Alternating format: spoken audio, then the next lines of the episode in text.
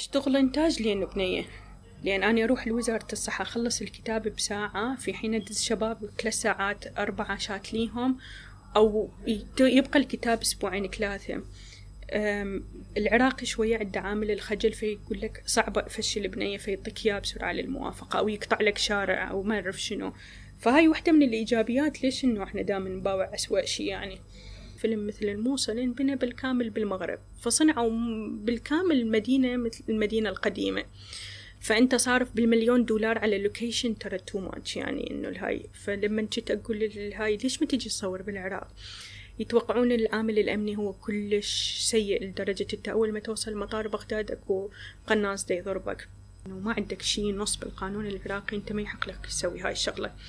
عندنا okay ميليشيات عندنا جهات غير رسمية. تحارب الفكر مالتك بس مثلا ما عندك نص صريح بالقانون العراقي يقول لك إنه ما مسموح لك هاي تسويها. يعني جميل واحدة من الأشياء اللي أنا أشوف بيها فرق عن الأردن. الأردن الأمن يقرأ المشروع. آه، بلبنان بلبنان الأمن العام يقرأ النص ويقول لك هذا شيله وهذا مشيله إحنا ما عندنا هاي الشغلة بالعراق.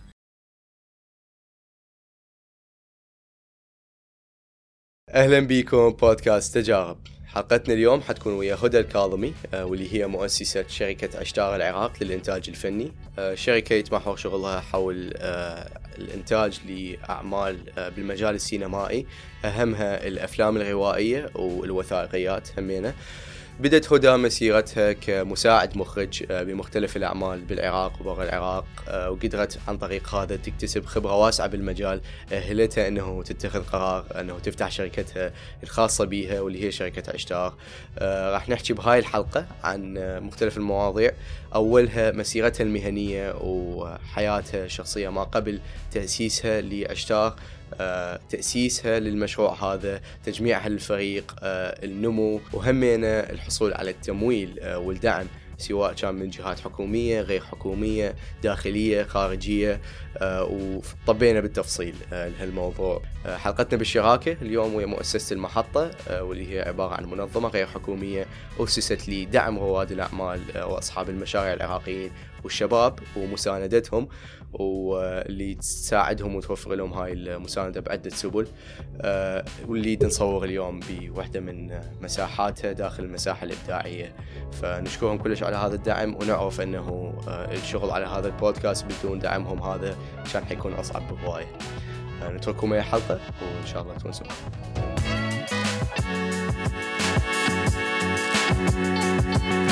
شلونك فدا؟ تمام الحمد لله. كلش فرحان إنه جبناك آه، اليوم على البودكاست ومتحمس إنه آه، نفوت لهواية من المواضيع اللي ممكن أنت تكونين آه، بيها من أكثر الناس الملهمين اللي يقدرون يحجون وأكثر الناس النولجبل بيها.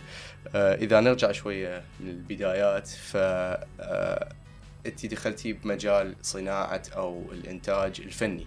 وانتاج الأفلام والوثائقيات.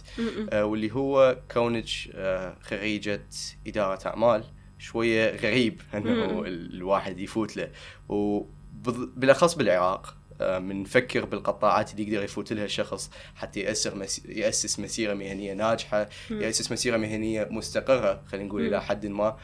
ما حد يفكر آه، بالإنتاج الفني أو إنتاج الأفلام وما حد يفكر بالقطاع الإبداعي أصلا. مصممين رسامين إنتاج أغاني. كله حاطيه شوية إحنا يعني جهة بعيدة زين. وهمينا اتصورتي أول شخص آه، نستضيفه من هالقطاع آه، بالأخص. فسؤالي هو شلون أصلا اجتي فكرة ببالك إنه أوكي أنا أريد أشتغل أسوي أفلام؟ أني بلشت ما بعد الألفين وثلاثة خصوصا بعد الانفتاح آه، يعني اللي صار ما بعد الحرب.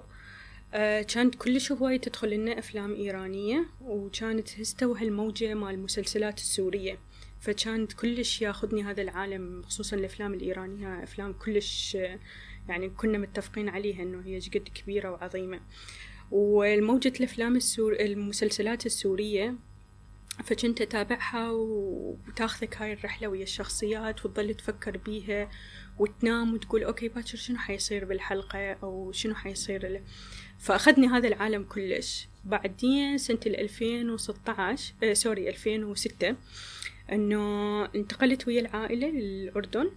فكانت أكو فرصة عندي إنه أشارك بورشات أكتشف روحي لأن أنا كنت بذيك الفترة ما أعرف اني شنو أريد. هذا الحب اللي عندي والشغف هو فترة ويروح هواية شنو ناتج شغف يعني, يعني للأفلام أو لل... للميديا بصورة بصورة عامة كل شيء يعني للهاي. فشاركت ويا الهيئة الملكية الأردنية للأفلام ورشات كانوا يسووها على مدى السنة يعني كل المجالات وخصوصا الأردن كان بذاك الوقت استوى الأوج مالته دا يطلع يعني. فكانت ورشة كتابة ورشة إنتاج مونتاج فيعني تقدر تقول أخذت فتيتشي خبرة صغيرونة بذاك الوقت وصرت أحبه يوميا أحبه أحبه يعني. بس شنو؟ إنه كنت بذيك الفترة إنه شايف هذا اللي رايد بس ما يعرف وين يبلش. هاي يمكن معضلة كنا إحنا الفيلم ميكر أول ما نبلش ما نعرف وين نبلش. فقررت إنه أروح يعني أدخل جامعة اختصاص سينما بس للأسف كانت بوقتها الأردن بعدها ما عندها كلش جامعات وهواية بذاك الوقت فكانت أكو معهد اسمه البحر الأحمر. آه هذا يتطلب إنه أنت دراسة بكالوريوس مخلص حتى تروح بك آه ماجستير. فكانت الفكرة إنه أكو خيارين يا أما أروح لسوريا أدرس بالمعهد العالي آه، للفنون أو إنه آه، أخذ أي بكالوريوس حتى ألتحق بهذا المعهد. ف كانت الاعتراضات الأهل إنه آه شلون راح تروحين لسوريا؟ لا صعبة ما أعرف شنو فدخلت إدارة أعمال. هي بالبداية كانت بس إنه يعني فرض قرض يعني إنه إدارة أعمال بس أنا فيما بعد يعني كلش ممنونة لهذا الظرف اللي صار لأنه كلش استفادت من إدارة أعمال بجانب السينما يعني. فدرست إدارة أعمال بجامعة عمان الأهلية. 2013 آه كان استمريت بهاي الفترة كلها ورشاتهم بالهيئة. صار أسبوع الفيلم الهولندي آه، فالتقيت بمخرج عراقي اسمه محمد دراجي. كان معروض فيلمه في أحضان أمي. وعنده ثاني يوم راح ياخذنا ورشة. فشاركت بيها للورشة. فنهاية الورشة قلت له أني أريد أبلش سينما يعني شي عملي بس ما أعرف من أبلش. فشنو تنصحني وين أروح وين أجي؟ فقال لي نصحش ترجعين لبلدك العراق لأن إحنا ما عندنا نساء وإنه I think كلش راح تستفادين. بس كانت فكرة إنه العراق بسنة ألفين وثلاثة وانفجارات و... وأهلي كلهم بالأردن شلون راح أجي أسويها؟ قال لي تعالي وشوفي ممكن راح تحبين الشغل. ف... محمد دراجي هو خلينا نقول من أحد أشهر الناس اللي يشتغلون هسه بهالقطاع. ما بعد إلا 2003 ففعلا أنا ما طولت يمكن ورا أسبوعين آه، رحت آه، جيت قلت okay رايح خل أعتبرها سفرة سياحية؟ فرحت زرت المركز العراقي وكانت صدفة من حسن الحظ. أول يوم مبلشة بي صناعة أفلام قصيرة ستة أفلام قصيرة. فقلت okay خلي أجرب وأشوف شنو اللي أقدر أستفاد يعني. خلال يمكن يومين ثلاثة حسيت عبالك منجزة كوما أشياء يعني كانوا استوى مبلشين كتابة وإلى آخره. فقلت للوالدي إنه أنا راح أقرر أبقى إنه أخلص وياهم أنزل تصوير أخلص لحد المونتاج. فصدق براها نزلنا تصوير كان دوري بهاي الأفلام مساعد مخرج ثالث مساعد مخرج ثاني مساعد مخرج أول. فتنوعت هاي الأشياء وطتني كلش خبرة لأن اللي كنت أخذه هو بس أشياء عملية يعني نظري يعني إنه الأشياء. هسه تبدأ تنزل آه، يعني تشوف الأشياء أكثر عملية إنه تشتغلها. شلون يؤمنون يعني هذه المؤسسات أو الشركات؟ يعني إنه okay خلينا نجيب شخص وما عنده خبرة عملية سابقة. يجي ويانا يعني شنو الحافز بالنسبة لهم لهيك شيء؟ أقدر أقول ان إحنا بدنا نشتغل صناعة أفلام مستقلة فدائما صناعة الأفلام المستقلة تدور على الشباب الجديدة تدور على آه، شباب طموحة أنا من الناس هسه إذا يجيني واحد عنده هيجي شغف وتارك أهله وجاي على مود إنه يشتغل وياي أكيد أقول آه، أفضل ما أشتغل ويا فلان اسم لا خلي أشتغل ويا هذا لأن حينطيني طاقة ووقت وجهد فكان هو بالبداية أكيد عملية يعني تشكيك والثقة إنه هم هي مصدر متبادل يمكن أنا هم ما راح ألقى نفسي أو اللي أطمحه عندهم وهم هم ما يعرفون إنه الهاي فأنت تبقى إنه مرور الأيام شلون تقدر تسوي هاي التبادل الثقة. فاستمريت وياهم إنجزنا تقريبا أربعة أفلام. فبفترة كلش قياسية يعني ما يقارب ثلاثة أشهر إحنا سوينا كل هذا الشغل وبعدين إجاني عرض فيلم روائي طويل. يعني إحنا من نقول فيلم روائي طويل مثل اللي دا يقول إنه فتشي كلش كبير يعني. كان اسمه آه، طريق مريم المخرج اسمه عطية الدراجي. فقال لي أوكي يعني شوف إيش كلش تشتغلين وشطورة فشن رأيك تنزلين وياي مساعد مخرج ثاني. فكان هذا بالنسبة لي العرض كلش كبير يعني. فنزلنا صورنا هذا الفيلم آه، بسوق الشيوخ بالناصرية. وبعدها إنه خلص شايف واحد قام يتأكد إنه هو شي يريد شي يحب إلى آخره. بس هاي التجارب اللي أنا اشتغلت بيها كمساعد مخرج أول وثاني وثالث هاي الرحلة كانت أنت يوميا تركز أكو مشكلة عندنا إياها بالعراق إنه ماكو إنتاج. يعني ننزل الأفلام كلش جيدة وحلوة ورائعة بس مثلا ماكو إنتاج بحيث مدى تنشغل الأشياء بطريقة كلش بروفيشنال فيما بعد إنه اشتغلت رجعت للأردن. هم اشتغلت تجربة قصيرة صغيرونة. آه، حبيت أني أجرب نفسي همينة كمخرجة إنه شلون إنه أقدر أشتغل على فيلم. اشتغلت ضمن ورشة بالأردن وبالعراق. وأن أخرجت مشروعين قصيرات. بس شايف هذا اللي مو شغفه بالإخراج بس كان حب الفضول إنه أنت تشوف نفسك بالإخراج شلون إنه تدير ممثل تدير شخصيات إلى آخره. أقدر أسأل أبوك شنو كانت ردة فعله بهالوقت؟ من قلتي له أوكي أنا أريد أشتغل بهالمجال ويعني كلش شغوفة بيه والدي بالعكس من أكثر الأشخاص كان داعمين إلي خصوصا حتى بالبداية لما جيت ما أعرف أني شريط فهو شجعني قال لي تمام إذا أنت حابة تكملين بالمركز العراقي أبقي. آه فبالعكس كان أكو كلش سبورت من هالناحية يعني. بس أكيد إنه هذا القلق العائلي إنه بلد مثل العراق هسه أكو انفجارات أكو وضعية خصوصا نروح المناطق كلش خطرة. فكان أكو هذا الحرص دائما إنه ديبالش ما أعرف شنو. هسه يعني أكو في الثقة متبادلة إنه okay هذا شغلي وكل الاستقلالية إلي. فيا لو ما إنه توفر لي هاي الدعم من العائلة أكيد ما كان وصلت بهالسرعة هاي. أه اشتغلتي أه بهالفترة كمساعدة مخرج ك اللي كان أكيد دور كذا فيلم بإنتاجها خارجة همينة ممكن. هل آه، هل هالخبرة كلها خلينا نقول قالت لك آه، وصلت بيك مرحلة في يوم إنه okay بدت هدى تفكر اريد افتح شيء مالتي أو أصلا شلون طلعت هاي الفكرة؟ آه أنا هو قلت لك من اشتغلت كمساعد مخرج أول وثاني وثالث آه كان كمساعد مخرج أول أول مهامي إنه شلون الأمور التنظيمية. يعني إنه الممثلين لما يجون المواقع جاهزة لو مو جاهزة وهاي مرتبطة بشكل كبير بقسم الإنتاج. كل الأفلام اللي أنا نزلت لها كان اكو ضعف كلش مشكلة كبيرة بالإنتاج وللأسف كان دائما الإنتاج مفهومة بالعراق. هو عبارة عن هذا الشخص اللي يوفر أكل ويوفر يعني طعام وشخص ينفذ بس. والسلطة الأكبر هنا بالعراق هي للمخرج. المخرج اللي يقول okay اليوم نصور لو ما نصور. اليوم آه، أختار هاي الشخصية لو ما أختار هاي الشخصية. وهي عملية عكسية على الواقع الحقيقي بصناعة الأفلام. حتى نرجع للأساسيات شوية. فتقدرين تفهمين هو شنو دور المنتج شنو دور المخرج؟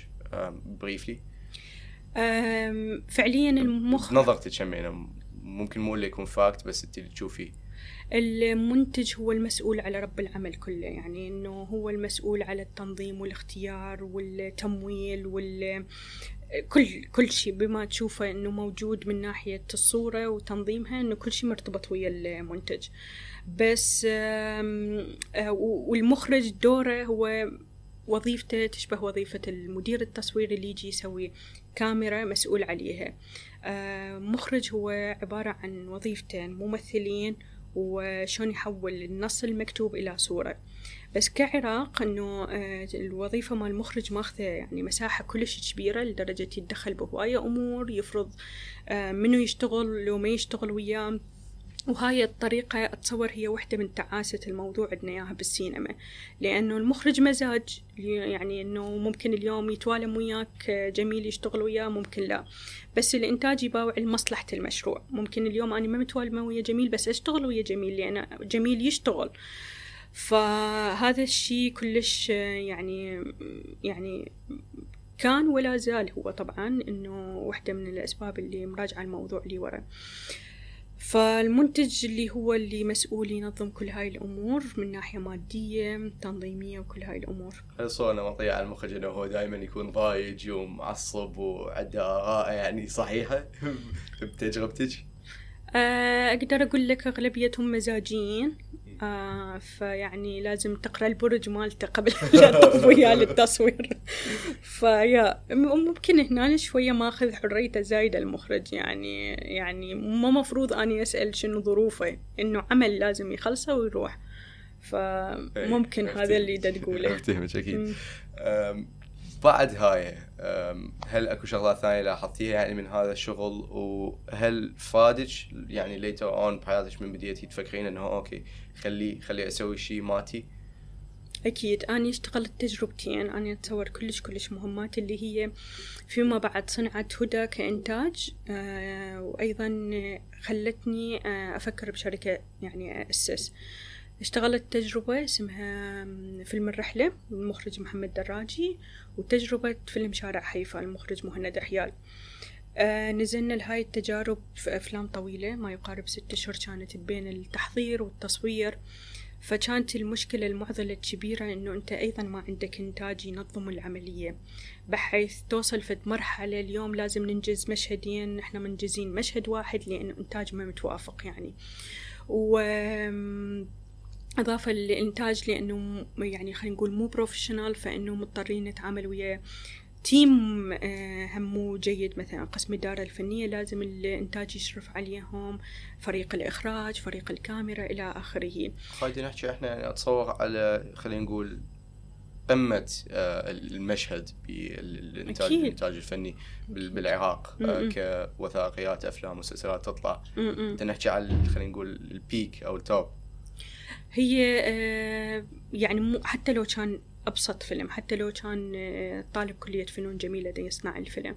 هي العملية لازم تنأخذ بالمحمل الجد إنه أكو قسم إنتاج ينظم لك كل الأمور يقول لك اليوم وفق الموافقات الأمنية اليوم شو تصور وفق جهوزية الموقع إنه أنت يا مشهد تجهز إلى آخره. إحنا لا الموضوع كان بذاك الوقت إنه مثل اللي هو شلون نقول بالعراقي فزعة. يعني إنه آه أوكي يلا يلا يلا يلا جهز اللي ما أدري شنو. فكان طريقة مدمرة. يعني مثل فيلم شارع حيفا يعني فعليا أنا من أحلى النصوص اللي تقدمت لي حتى أشتغل بيها. وصدق لما كنت أقرأ كنت بس أتخيل إنه شخصية سعاد شلون راح تكون. هو بشكل مبسط شنو الفيلم عن؟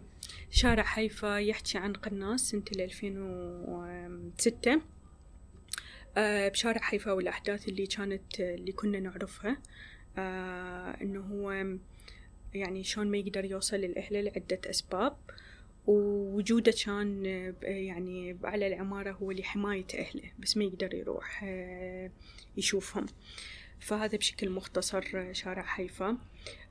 فيلم كلش جميل. أنا أنصح الشباب يروحون يشوفوه. وهذا يعني فعليا رمز للنوبجت اللي انصنع الفيلم. يعني بدون أي ميزانية.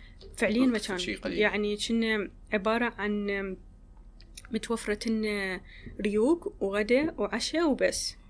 وكان يعني المخرج صديق الشباب كلهم فإنه جايين نساعد صديقنا مهند حيال. بس هي هاي الطريقة صح إنه هي نموذج لل no budget بس كانت خطأ لأن ما عندنا إنتاج كان بوقتها بحيث انظلم السكريبت الجيد اللي كان كلش يعني كل شغف إنه أروح أشتغل بيه بحيث اكو هواي مشاهد لما شفتها فيما بعد طلعت كنت تيجي شايفة كوفة تيجي عصرة بقلبك إنه ما كنت تتمنى هيك تطلع كان هذا يقدر يطلع أحسن. كلش كلش.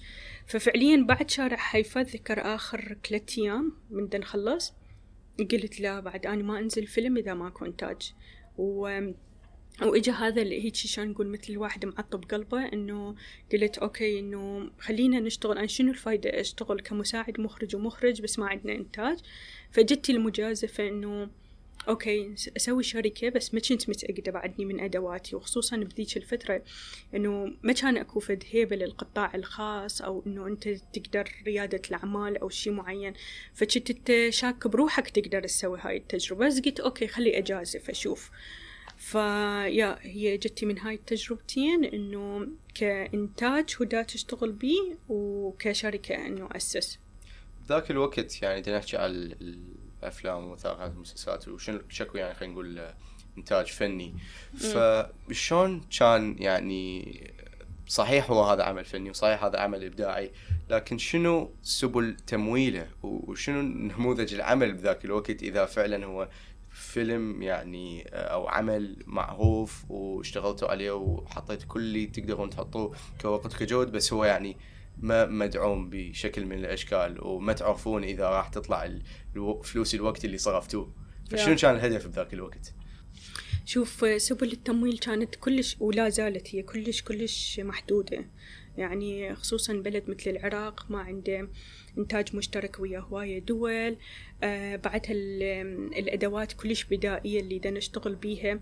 بس سبل التمويل مثلا إحنا نحاول نحصل من مؤسسات إقليمية مثل مؤسسة الدوحة للأفلام اللي تقدم دعم لمرحلة التطوير مرحلة الإنتاج وما بعد الإنتاج. مؤسسة آفاق في لبنان اللي أيضا تقدم آه، دعم يعني بالمراحل الأفلام. آه، مؤسسة مثل المورد market مثل دبي آنذاك كان. هم ذول هم من ذاك الوقت شنتوا يعني تعتمدون عليهم؟ أكيد. شارع حيفا كان بتمويل من مؤسسة الدوحة للأفلام وكان support من مهرجان القاهرة السينمائي ومهرجان دبي آه، السينمائي قبل لا ينسد. فكان هاي أكيد إنه ال- واحدة من فرص التمويل. ومع ذلك ما كان أكو خلينا نقول قسم يعني إنتاج آه، أكيد. ما هو أنت شنو الفايدة يجيك تمويل وما عندك إدارة صحيحة؟ فيضيع التمويل بالنص يعني. في حين أنا بلد مثل العراق أحس بيه هواية فرص. أنت ما يحتاج يحتاج لك تمويل. أكيد كنا نحتاج تمويل على مود أنه ننطي مدير تصوير نجيبه جيد نجيب sound زين.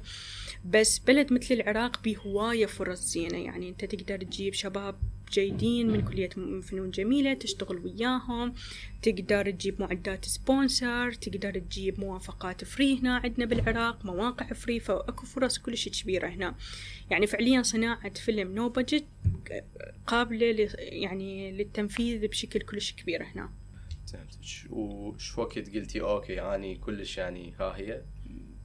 تعبت ما غاثي بدي يطلع أريد أسوي شيء مالتي. آه هو مو شي مالتي يعني بوقتها كان آه، بذيك الفترة آه، كنت حابة أختبر أني إيش قد إنه أقدر خصوصا فكرة الإنتاج كانت جديدة. والإنتاج اللي أفكر بيه اللي هو شلون أنت الإنتاج اللي نعرفه إحنا اللي ندرسه. واحدة من الأشياء اللي ممكن ساهمت وإنه ساعدتني هو كان بذيك الفترة التنقل بين العراق والأردن. الأردن كلش زينين بالإنتاج. والعراق هواية بيه قصص وبيه صناع أفلام جيدين كفكر كإبداع كهواية أشياء بس ماكو إنتاج ماكو إدارة تلزم ظهره للمخرج وتنظم للأشياء. فكانت هاي واحدة من الأشياء فقلت okay خلي أجمع ذني الاثنين وأحاول عسى إنه تضبط وياي. فبالبداية أول ما بلشت كنت شايف مثل يقولون الدعوة السرية كانت إنه آه، كان مخرج اسمه ميدو علي وياي كان بالمركز العراقي للفيلم المستقل. اتصل علي كان هو في فرنسا فدا يسولف لي عن إنه آه، بنية شافها آه، فرنسا إنه تونسية إنه لاعبة تايكوندو إنه هربت من أهلها بالتونس إنه جتي على فرنسا حتى إنه لأنه يعني آه، هرب آه، أهلها ما يقبلوا لها إنه تلعب ملاكمة يعني. فإنه كلش شدتني هاي القصة فقلت له wow يعني كلش interesting وإنه هو يقول لي شلون هسه هي حاليا متزوجة شخص جزائري وشلون إنه ما تقدر تحقق ال- يعني الهدف اللي طلعت من عنده من تونس وإلى آخره. وشايفك كلش سرحت بقصتها يعني. فا okay سديت التليفون ورا أسبوعين دا يتصل علي دا يقول لي لقيت بنية عراقية إنه ترقص رقص شرقي كلش بطريقة مذهلة وإنه مهزومة من أهلها بالبصرة وإنه دا تحاول تسوي شي بالفرنسي. فقلت له ميدو أنت ذاك اليوم سولفت لي على التونسية واليوم على العراقية. ممكن انه عندك فيلم وثائقي وأنت ما حاس عليه فقال لي okay بس أني يعني مو وثائقي وما أعرف شلون ينشغل الوثائقي. فقلت له okay واني ما أعرف أنتج. بس خلينا نحاول. يعني إنه ممكن نفشل وممكن ننجح. فجيت قلت له okay أني راح أنتج لك المشروع راح أشحن لك المعدات من العراق وراح أتكفل ماديا إنه بالمشروع وأنا وأنت ننجز هذا المشروع. فأخذتنا هيك كلش الحماس بالبداية فإنه رح آه، شحنت صدق المعدات وكل الأشياء رتبناها وورا تقريبا آه، يعني شهرين صار عندنا فيلم كامل رافكات. فإنه شايف هذا اللي صارت عنده شوية ثقة إنه يقدر يسوي شيء فهي من هناك بلشت بصراحة بس هاي ذاك. الوقت ما كان لك يعني دور بالإنتاج مال هالشيء بس وصلتي للمعدات لو؟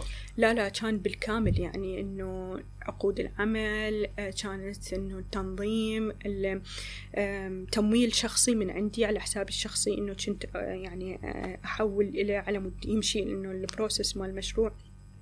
فلا يعني اللي كنت أفهمه بالإنتاج شوي شوية إنه كنت أجربه بهذا المشروع. وهو فعليا هذا اللي أقدر أقول هذا المشروع خلاني أطبق عملية الإنتاج. صح هو فيلم وثائقي يختلف عن الروائي. صح عن بعد أصلا أكيد. م- م- م. فخلاني طاني هذه الثقة. حلو. بعد هذا. بعد هذا إنه استمرينا بهذا المشروع. لأن إحنا فيلم وثائقي شوية بالسينما ياخذ وقت تتابع الشخصيات. وش قد إنه آه، تكون قادرة إن الوثائقي دائما الحدث يجرك. فيما بعد انضمت آه، يعني شخصية سورية. هم أيضا كانت هاربة من الوضع السوري اللي بسوريا والتحقت بالفيلم. بعدين دخلت شخصية المخرج بهذا الفيلم. طبعا هذا الفيلم اللي دا أحكي لك إياه إنه هو أساس تأسيس شركة عشتار العراق بس هو لحد الآن ما طالع. هسه حاليا في مرحلة ال post production مرحلة ال color وال sound ونتأمل السنة المقبلة إنه يكون طالع يعني العروض العالمية. ففيما بعد التقيت مخرج اسمه أحمد ياسين. كان عنده فكرة فيلم روائي طويل.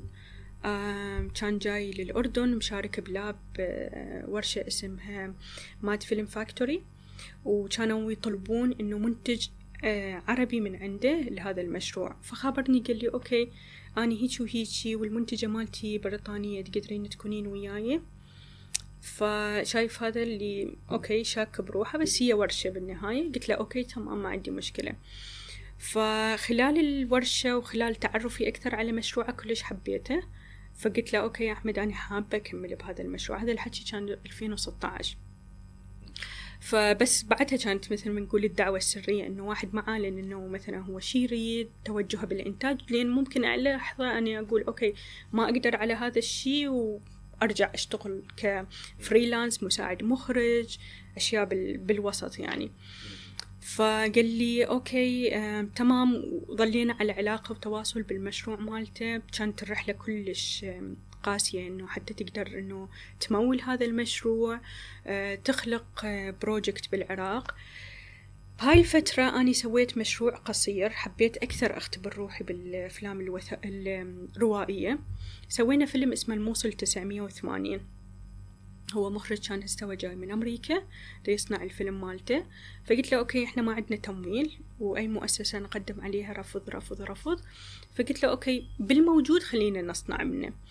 فتعاوننا ويا مؤسسات داخل العراق بالموصل ويا حكومة محلية إنه جبنا معدات جبنا موافقات جبنا آه، إقامة سكن الفريق وإلى آخره فإنه آه، أنجزنا هذا المشروع لمدة تقريبا سبعة أيام بالموصل صورناه منتجنا كل شيء كان على الحساب الشخصي إن أني والمخرج. المخرج أيضا هو آه، منتج كان وياي بالمشروع لأنه تكفل يعني بتكاليف شخصية على المشروع. فأنجزنا لهذا المشروع. كان تيجي مثل الواحد شايف دا يتحدى روحه يضحك على روحه إنه هذا المشروع لازم إنه نروح بيه برلين. مهرجان برلين السينمائي الدولي okay. واللي هو بالنسبة لكم big deal كان يعني فشي. إنجاز. أكيد. إيه. يعني إحنا دائما شايف لما يكون واحد هيك عنده تحدي إنه أنا شايف فيلم ببرلين هو ممكن يضحك على روحه فيما بعد أو ممكن لا والله إنه يصير. فصدق إنه قدمنا على مهرجان برلين وجانا ورا شهرين القبول. فكانت فشي كلش كبير يعني بالنسبة لي. وكبداية هي هو كانت بداية انطلاق شركة عشتار ويا هذا المشروع. فيلم قصير إنه بمهرجان برلين السينمائي الدولي. حقق هذا المشروع كلش إنجازات كبيرة راح مهرجانات كلش هواي. فقدر مثل ما نقول سوى business card لهدى وقدرت إنه okay أثق أكثر إنه اني إذا فتت بهذا المجال. ويا صار عندي هذا الشغف أكثر أتعمق بالشغل. أنجزت بعدها أفلام هم قصيرة بس مثل ما يقول الواحد يعني أخذ على الموضوع. بس كان التحدي الكبير إنه أنت شلون تصنع فيلم روائي طويل أول. هذا كان لأنه خصوصا بلد مثل العراق كلش يعني بيه تحديات كلش كبيرة على المشروع الروائي الطويل. هو شنو المشروع الروائي؟ وشنو فرق عن فيلم؟ وشنو فرق عن وثائقي؟ إذا نرجع للأساسيات شوي. الفيلم الروائي هو فيلم مثل ما يقولون القصة اللي يكتبها المخرج أو اللي يكتبها الكاتب اللي أنت تصنعها.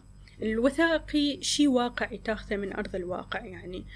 ف... بدون تدخل خلينا نقول من برا لو أكيد عادي. الوثائقي مستحيل. يعني تاخذه مثل ما هو يكون يعني إنه شلون شخصياتك تحكي شلون إنه مرت بهذا الحدث. بالفيكشن أو الروائي اللي هو أنت تخلق هاي الرحلة. ممكن اليوم عاجبك إنه تشيل هاي الشخصية. ممكن لا إنه تقول okay أنا عاجبني أضيف شخصية أخرى. ف يسموها سينما المؤلف. يعني هي قصة يختارها المؤلف على أساسها هي هاي ال center ويتمحور حولها الشخصيات وغيرها. أي أي. الوثائقي هو فشي تحاولون أنهم ما تتدخلون به أكيد. وهل في فترة من الفترات اشتغلتي على مسلسلات أو أي نوع من هيك عمل لو ما كان لك تجربة؟ آه وهي أزمة كورونا. خصوصا كانت الأزمة كبيرة وصادمة والكل قاعد بالبيت. فكان عندي أحد زملائي اسمه مصطفى الركابي. كان دائما ينصحني يقول لي إنه دراما فوتي بيها الدراما وارد مادي خلوكم أنتو آه كانوا دائما هاي المصطلح اسمعه بالعراق سينما سينما فقر. يعني إنه ما بيها وارد مادي. اي صدق همينة يعني إذا نرجع على التأسيس آه لأشتاق ف أتصور أو أتخيل يعني إنه من بديتي قلتي راح أسوي هاي الشركة مال إنتاج. آه، همين كان حيكون أغلب شغلك على هل الشغل السينمائي أو الوثائقيات يعني أنا عندي شغف بس بالسينما يعني إنه ما كان عندي شغف إنه أروح للدراما. ليش؟ هي ما أعرف البيئة مو صحية هنا بالعراق حتى تقدر تدخل. يعني لحد الآن ماكو شيء كان حقيقي جبرك هو يدخلك إنه دراما. يعني مباشر ممكن تشوفني أنا دا أشتغل دراما بس تجربة تقنعك تحس بكل هذا الشغف اللي تفوته بالسينما تفوته بالدراما. السينما أكو بيها أكثر حرية أكو بيها أكثر شغل شلون نقول عملي أكثر جدية. أني بصراحة ما لقيت لحد الآن يعني عمل درامي بالعراق خلاك يجبرك إنه تفوت بيه. يعني صح الوارد المادي كبير مغري بلحظات معينة بس آه، إذا ماكو فشي أنت حابة ومرتاح له فشنو الفايدة بالوارد المادي؟ يا. فيش تفكرين؟ يعني أشوفها بوجهة نظر جدا مميزة يمكن ما نشوفها كل يوم. من واجهتي option ين إنه تبدين تشتغلين وتستعملين مهاراتك خبرتك بشيء تجيب لك وارد مادي زين أو تستعمليه بشيء على قولتهم فقر زين وصعب إنه واحد يجيب ريفينيو منه إلا إذا بدعم من غير مؤسسات اختاريتي الثاني. ما أني بطبيعة شخصيتي إذا شغلة ما أحبها بسرعة أنسحب من عندها يعني هذا الشغف اللي قعدك يوميا من الصبح وأكو أيام أنت أربع ساعات ممكن نايم ولحظات معينة تفوت بمناطق خطرة هذا شغف لأن أنت حاب عايش بجو كلش مريح. بس لما تكون شنو الفايدة تكون بجو متوفر لك مادة بس أنت ما تحس إنه لا حواليك يشبهوك لا النص يشبهك لا هواية أشياء تشبهك. تسوين شيء بس على مود الجمهور أو غالبية الجمهور. بالضبط تحس عبالك أنت أنا أشتغل هواية أفلام تنفيذية بس هم أشتغلها بحب يعني دا أنفذها. بس أنت دا تنفذ بالدراما وتحس أكو فتشي يعني روحك طالعة بس شو كنت يخلص؟ شو كنت اليوم نفركش التصوير. فأني ما أقدر يعني أنا طبيعة شخصيتي أحب من أنزل للشغل أحب كلش بمتعة يعني أنزل. حلو. قررتي إنه تاخذين خلينا نقول القمزه هاي وتبدين بمشروع خاص بيك اللي هو شركة اشتار آه، بعد ما نقدر نقول برز اسمك آه، بالمجال وبدأوا الناس يعرفون إنه هدى الشغل على هيك موضوع الشغل بالإنتاج ممكن هي تكون فت آه، جيد بالنسبة لنا يعني. فشون كانت أول أيام يعني؟ هو بصراحة أنا مو كلش من النوع اللي أسمع للآخرين بس هي كانت بصراحة أني ال point view عن روحي يعني إنه شلون okay آه راح أقدر أسوي. هل أكون قد ال- الثقة الآخرين اللي يحطوها؟ فهذا الشغل الدائم على روحك يخليك في تواصل إنه تتعلم تتعلم تتعلم. ف يا أتصور أني يعني محظوظة لأنه أم، من بلشت كانت أكو فد شلون نقول يعني ماكو هواية شركات طالعة فإنه أو أكو حاجة كلش ماسة لهذا الموضوع إنه تطلع شركات من داخل العراق. أكو أفلام هواية تريد تدخل تصور بالعراق بس ما عندها جهة تنفذلها. فإنه كان هذا العطش الموجود إنه خلى مثلا شركة عشتار أه، يعني قطع عليها مراحل طويلة حتى توقف على حيلها. فأتصور هاي واحدة من الأشياء اللي أنا كنت محظوظة بيها.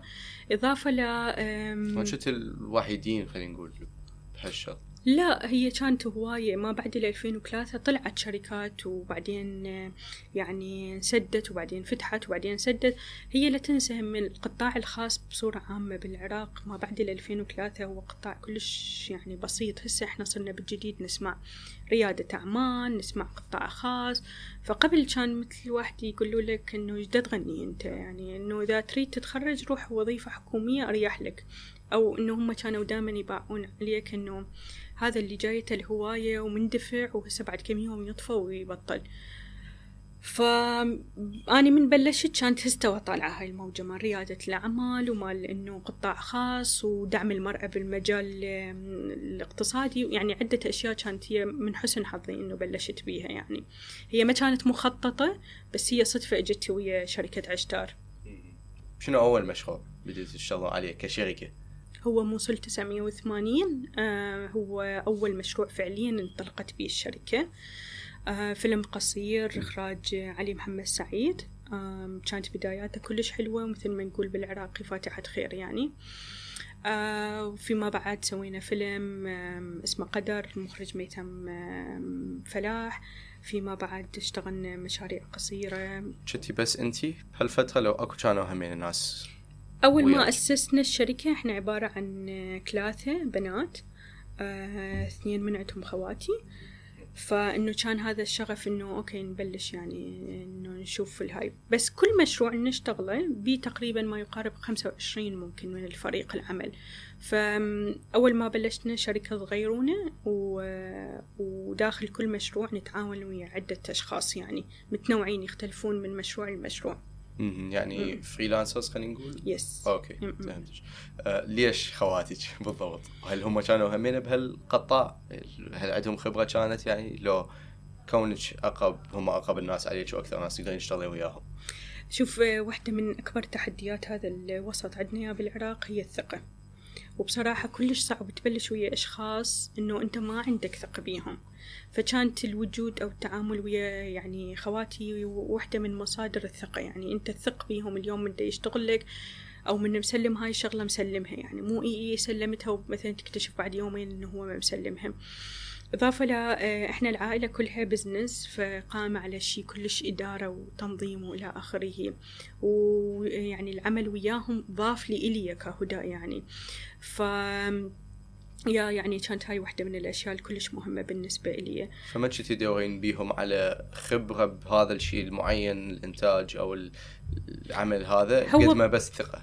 هو بصراحة خلي أقول لك يا هي الخبرة دا تكبر كانت بوقتها إنه ماكو واحد أكثر خبرة من الآخر. هو مثل الواحد فايت ويوميا يستكشف روحه يستكشف شي يريد شي يقدر ينجز إلى آخره. ف يعني كانت متبادلة الأشياء آه، بيناتنا يعني. شلون قنعتيهم إنه يجون؟ كانت صعبة كلش إنه خصوصا إن كل واحد كانت عنده حياته الخاصة العملية بس حاولت إنه دائما إنه لا ضروري وأنا محتاجتكم وما أعرف شنو أنا وحدي وإلى آخره. وبعدين لما نبلش مشروع مشروع ينجح إنه شايف أكو ثقة صارت كلش يعني إنه أوكي لا نقدر ننجز يعني متى تغني يعني بالضبط. okay. اي افتهمك أم، شنو كانت يعني شغلات حسيتيها تختلف من كونك يعني جزء من فريق أه، دي يشتغل على عمل إلى انت تكونين شركة وتشتغلوا على عمل وأكيد المهام المسؤوليات تختلف المحاسبة من يصير فشي غلط غير شكل. شلون كانت هاي التجربة مقارنة يعني؟ هي إحساس كل شيء شي بتأنيب ضمير لأن أنت سرب بالعمل. يعني إنه ممكن أي غلطة أي شغلة ما محضرها ممكن العمل كله يوقع. وأني من دا أشتغل بهاي المشاريع دا أشتغل منتج. يعني إذا أي شيء سويته أنا سيء بما معناه إنه الكل راح يصرفون سيء يعني. قبل لما كنت أشتغل مثلا كمساعد مخرج تحت إطار يعني مسؤوليتي مرتبطة بالشخص الفلاني بالشخص الأعلى بالشخص الأعلى. فهو تحمل مسؤولية كلش كبيرة وخوف دائما لازم تطلع الأشياء كلش بروفيشنال لأنه انت جيت سويت الشركة من ردة فعل أكو أشياء مخربطة صارت بالمشاريع الأخرى فمو بدك تغير يعني تعيدها. شنو؟ يعني أنا دا الاحظ من القصص للوثائقيات أو الأفلام الروائيه تحكي لي إياها أنه كلها متمركزة حول خلينا نقول آه، مجتمعنا كعراقيين. ولحد الآن أتصور اللي تشتغلون عليه هو فشي مشابه متمركز حول مجتمعنا وطبعه. وهم العراق نفسه ك كمعارك آه، conflicts كصراعات وغيرها. يعني هل تشوفين هالشي مهم من من نسوي آه، أي عمل فني عراقي؟ هل تشوفين من المهم أنه يكون يحكي عن فشي بشكل خاص هو عراقي؟ لو اكو شغل سويتوه هو يعني كان ممكن يصير بأي بلد بس أنتم بالعراق سويتوه. لو تحسين إنه هاي شغلة مهمة تكون موجودة. هو شوف اللي السينما اللي نشتغلها واللي تقدمها شركة عشتاري صح ولا السينما المستقلة؟ فالسينما المستقلة أكثر رايحة يعني ما أريد أقول لك للواقعية بس أكثر إنه للشي اللي انت لازم تحبه كصانع فيلم. فأنا بالنسبة لي أحب إنه أشتغل على قصص عراقية.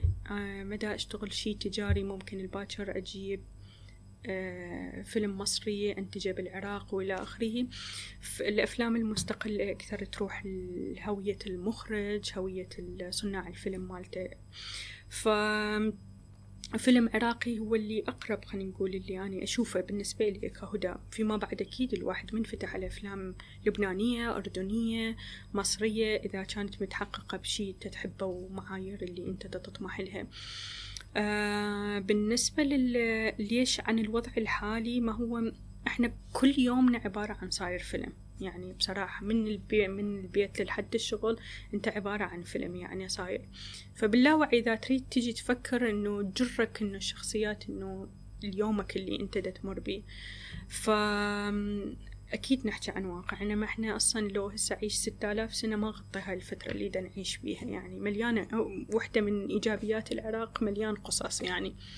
فأكيد لازم أشتغل هل تشوفين الشخص العراقي خلينا نقول ال average يعني آه، مستعد فوق حكايه أكيد الاف مرات سمعتها بس فوق الضيم اللي هو بيه يشوف فيلم عن الضيم اللي هو بيه؟ هاي هواية. واحدة من أسباب عدم توزيعنا الأفلام بالعراق إنه يقول لك okay أنا هسه قبل شوية سادّة العربانة ليش أجي أشوف فيلمك يعني؟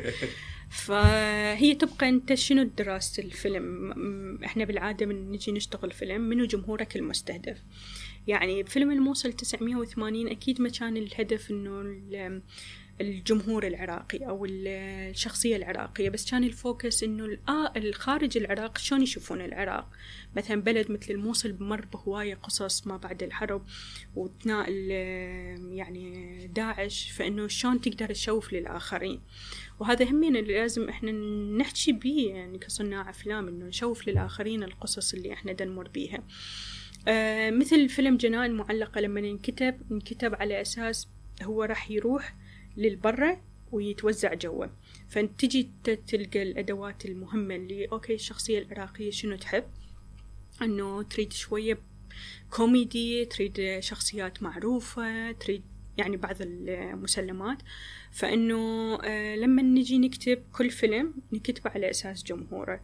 فشي واقعي إنه مثلا فيلم الموصل تسعمية وثمانين إنه ما حد ما راح يحبه جوا لأن هو already شبع بقصص داعش والحرب وإلى آخره. افلام وثائقية مو كلش هنا يعني مرحب بيها. بعدنا شوية البيئة بدائية بالأفلام الوثائقية على فكرة لأنه إحنا دائما نباوع للفيلم الوثائقي هو فيلم interview يعني آه، قناة الجزيرة أو القناة العراقية اللي تقعد الضيف وإنه تحكي وياه بطريقة تلفزيونية. إحنا اللي نشتغله كليا مختلف عن هذا الموضوع اللي هو يصيح له creative documentary رايح بطريقة سينمائية. وبالنسبة للأفلام القصيرة شوية همينة هنا أنا ما بي يعني عندها فد بيئة خصبة إنه تقدر تعرض بيها. فتروح أنت بس عندك الأفلام الروائية الطويلة لإمكانية توزيعها هنا جوا بالعراق. ف يعني ليش تحددون جمهوركم؟ وشون حددتوا جمهوركم لبعض الأعمال إنه okay إحنا نريد نستهدف الناس اللي برا العراق مو جوا العراق؟ ليش؟ هو يخليك أكثر focus إنه مثلا كل المخرجين اللي ألتقي بيهم إي أنا أريد كل الناس تشوف فيلمي. ما تضبط كل الناس تقدر تشوف فيلمك لأنه أنت إذا كل الناس تشوف فيلمك لازم كل شيء تحطه بالفيلم مالتك. لأن أكو بعض الجمهور يريد يشوف كوميدي وبعض الجمهور يحب يشوف رومانسي وبعض الجمهور يريد يشوف واقعي وبعض الجمهور يريد يشوف حقوق مرأة. فكلها ما تضبط بفيلم واحد فأنت كلش ضروري تحدد جمهورك من البداية حتى لا تشتت نفسك ويصير عندك focus معين.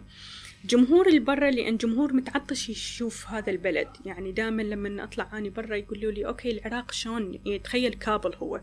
أو يتخيل فد شي إنه العراق ما بي يعني بني يعني البني آدمين ما موجودين يعني إنه بعدهم طططا بس تطلع من الباب. دبابات و... بالضبط. فأنت لازم تطلع أفلامك للآخرين حتى يشوفوك حتى يتعرفون عليك يعني. و... ومثل مسألة الموصل إنه هي ما تغطت تغطت بالإعلام بال... بالجرايد بس ما تغطت بالسينما. فلازم تشوف الجمهور العاديين اللي يجون للمهرجانات اللي يجون للمنصات يشاهدون إنه شلون صاير البلد. مثل ما أني أشاهد فيلم قاعدة بالعراق وأشاهد فيلم صيني. أتعرف أكثر على الصيني من خلال الفيلم مالته إنه أشوف شلون يعيش شنو مشكلته. يعني يصير فد فيش تعارف آه، من خلال يعني الفيلم. فهذا كلش ضروري إنه إحنا واحدة من مسؤولياتنا إنه لازم نسوي أفلام حتى نعرف عن نفسنا أو عن هذا البلد للآخرين الخارج العراق. وأكيد إنه همينا يعني إنه نفكر بالجو العراق إنه همينا شلون يشوف الفيلم مالته أو شلون يشوف إنه آه، يعني القصة مالته شلون اللي دا نحكيها يعني. ف يا هذا ضروري. على مستوى شخصي بالنسبة لي ليش شفتي إنه هذا أحسن أو خلينا نقول فولفيلنج آه، ومكافئ بالنسبة لك أكثر من إنه تنتجين أفلام خلينا نقول يعني يحبوها غالبية الشعب العراقي أكثر من الشعب الأجنبي. بالنسبة لك ليش شفتي إنه هذا المسيرة الباث الأحسن؟ يعني تقصد إنه آه، الجمهور العراقي اللي أقصد ليش شفتي إنه استهداف الجمهور الأجنبي أحسن من استهداف الجمهور العراقي بالنسبة لا لك؟ مو أحسن بالعكس. آه، بس مثلا لا أقصد ضربت لك مثل موصل 980 هو بلد مثل العراق استوى طالع من الحرب. ليش يشوف فيلم عن الحرب؟ هو شايف اوريدي يومية داعش وقصص داعش. فكانت لما جينا سوينا أساس صنع على المهرجانات. فإنه والمهرجانات اللي خارج العراق. بس أكيد كهدى لا شو أسوي بالجمهور البرلماني؟ شغلي هنا أساسي هنا يعني. لكن أكيد يعني كون هالشغل هو موجه بالمحصله للمهرجانات فراح يكون آه، ترتيبه على فشي أكيد. يبقى. وهذا سوق كبير خارج العراق ولازم شلون أنت تسوي كو برودكشن وتبادل الخبرات وتمويل وفيما بعد أكو مشاريع أخرى. فهذا التبادل داخل وخارج العراق كلش مهم. هل لو كان السوق أكبر بالعراق للوثائقيات والأفلام الروائية كان سويتوا شغل يستهدف العراق أكثر من الاجنبي لو هي هاي مو مشكلة أصلا؟ يعني هو أكيد لو كان أكو ماركت كبير بالعراق يخليك صناعة اليوم مو بس أشتار تشتغل اليوم تشتغل في ستة سبع شركات يعني آخرين. ف يعني التبادل راح يكون أوسع أكيد كلش كبير. آه، اشتغلتوا على الجنائن المعلقة آه، واللي مؤخرا آه، فات لي جوائز آه، أفلام فينيس. مهرجان فينيس yes مهرجان فينيس. آه، أول شيء كون هذا واحد خلينا نقول من أعمالكم ال highlights آه، حاليا. فشنو هو؟ مبدئيا. وشنو قصته؟ عن شنو؟ يتمحور قصة جنائن معلقة تحكي عن دمية جنسية يلقاها صبي اسمه أسعد عمره 12 سنة. وهاي الدمية الجنسية هي واحدة من مخلفات الجيش الأمريكي. فيقرر أسعد ويا صديقة أمير إنه يسوون بزنس من هاي الدول. ورحلتهم في مدينة مثل النهروان إنه شنو راح تكون إنه مصادفتهم من معرقلات وهاي الرحلة يعني. فهمتك. ومنين أصلا هي جتي الفكرة لهالشيء؟ والفكرة إنه أوكي خلينا نشتغل على هيك فيلم هي قصة واقعية مر بيها المخرج أحمد ياسين. آه لما التقيت بيه بال 2016 وقررنا ننتج المشروع. فقال لي لما كنت بالمعهد مال فنون جميلة إنه كان أحد من أصدقائنا كانت عنده فعلا هاي الدمية الجنسية من مخلفات الجيش الأمريكي السفارة الأمريكية. بس كانت بذيك الوقت هي نفخ يعني إنه أكو أنواع للدمية الجنسية. فقال لي واحد من أصدقائنا اللي هو لقاها اللي قرر كان إنه يعني يسوي بزنس بيها ويا أصدقائه. ف كان كل واحد مين يستعملها يغسل لها ال sex doll يعني الهاي. فيوم من الأيام غسل لها بمي حار فكشت ال doll. وعاش مرحلة كلش كئيبة إنه الهاي. فأحمد ياسين إنه سوى هاي الفكرة اللي هي كلش أثرت بيهم كأصدقاء لهذا الشخص. إنه آه إنه شلون تصير بالطريقة اللي هو أحمد ياسين يشوفها. حولها سنة الألفين وواحد وعشرين. فهي جتي من فتشي شلون نقول موقف صار ويا المخرج فيما بعد اتطورت وانكتبت بيها هاي القصة. حلو. شلون كانت عملية إنتاجه بالنسبة لكم؟ لا كانت صعبة كلش صعبة يعني. يعني الشيب اللي بشعري هسه أشوفه هو من جنان معلقة. رحلة كانت كلش قاسية لأن هذا فيلم طويل ويحتاج لتمويل يحتاج لفريق عمل. آه كل ما تقرر كل سنة تقول هاي السنة حنصور. سنة 2018 قررنا إنه قلنا هاي السنة نصور بعدين اكتشفنا إنه إحنا ولا دينار عندنا بجيبنا حتى نقدر نصور. سنة 2019 قلنا هاي السنة نصور. صارت المظاهرات مال تشرين وإنه البلد انشل كاملة. بال 2020 كانت أزمة كورونا. فقلنا أوكي خلينا نصور هذا المعرقل اللي قادرين عليه كانت الظروف أكيد كلش يعني كبيرة يعني تحدياتها كلش صعبة. إذا نستعمل آه إنتاج فيلم الجنائن المعلقة على خلينا نقول كمثال لعملية الإنتاج آه شلون تصير؟ فتقدرين تمشينا ب من جهتكم كمنتجين شنو هاي ال process تكون شنو خطواتها وغيرها وشلون كانت بفيلم الجنائن المعلقة؟ يا 2000 عشرين آه sorry 2016 لما التقيت بأحمد ياسين وقررنا إنه ننتج هذا المشروع. آه أنا كهدى لما أبلش أبلش من الكتابة ويا المخرج نتباحث نسوي draft 1 draft 2 ندز هذا المشروع لعدة workshop ات نسمع آراء من mentorship من يعني شتى العالم وإنه شنو رأيهم عن القصة شنو الإيجابيات والسلبيات عن الموضوع شلون وصلت لهم القصة كفتشي مكتوب. فبلش رحلة تطوير كلش كبيرة. حصلنا على ورشة الراوي من أهم الورشات اللي بال Middle East اللي هي تقام بالهيئة الملكية الأردنية للأفلام. كانت عندنا ورشة مال Film Factory كانت عندنا نقبل النص ببرلين على Talent. فيعني كانت كلش رحلة جيدة من ناحية التطوير على السكريبت. أول خطوة بيها يعني بديتوا بالنص نفسه yes أكيد. هاي المنتج الصح اللي عنده أوراق صح. يعني شنو الفايدة؟ أكون اني منتجة كبيرة بس إنه ورقي كلش صعب أو يعني ما مدروس بطريقة زينة. ففيما بعد إنه برا ما خلصت رحلة التطوير وأصبح السكريبت جاهز إنه بلشنا ندور على تمويل. كانت صعوبات التمويل إنه أول مشروع طويل للمخرج وأول مشروع طويل للمنتج. فكانت كلش صعبة أنت تنطي ثقة. مثل بلد بالعراق يقولوا لك okay أنت هل متأكد حتسوي هذا المشروع؟ أم أني خايف أنطيكم التمويل. وبعدين تقولون أوكي أم قصة جريئة وما قدرنا نصنعها بالعراق. فإنه شلون تقدرون؟ يعني لازم أنطي ضمانات واحدة من أكبر المطبات والتحديات اللي واجهتني بجنائن. إنه شلون أنطي ثقة للآخرين يثقون بهذا المشروع؟ شلون تعطي ثقة للداعم؟ للمانح؟ للكل كل يعني بمعنى الكلمة. وهاي كلش كانت كبيرة يعني إنه شلون تقدر تنطي فد شلون نقول ضمانات إنه هذا المشروع راح ينجز. اللي خارج العراق كانت مخاوفة إنه بلد مثل العراق ما مستقر امنيا القصة جريئة. آه، ممكن ما راح تقدرون تصنعوا وهواية ناس إنه انسحبت قالت okay نجيكم بال post لما إنه تنجزون المشروع. أكو ناس جوا كانت ثاقة يعني مثلا تقول okay أنا كلش حابة المشروع مالتكم وثاقة بيه بس okay إحنا هسه تشرين إحنا هسه ما أعرف شنو أكو أزمة يعني سياسية بالعراق فما نعرف شنو الهاي. فكانت تحديات كلش كبيرة فأني كنت أقول okay إنه أنا عندي ناس كلش زين وعندي آه هو لازم نجازف يعني كأول مشروع لازم نجازف فقررت إنه آخذ قرض إنه أنتج هذا المشروع. فقررت إنه أرهن بيتي مقابل إنه آه يعني إنه أحصل قرض آه، من مصرف آشور حتى أنجز هذا المشروع. فيما بعد انقبل بمنحة من وزارة الثقافة. وهذا طبعا سهلت علينا كلش هم عملية البروسس على الشغل.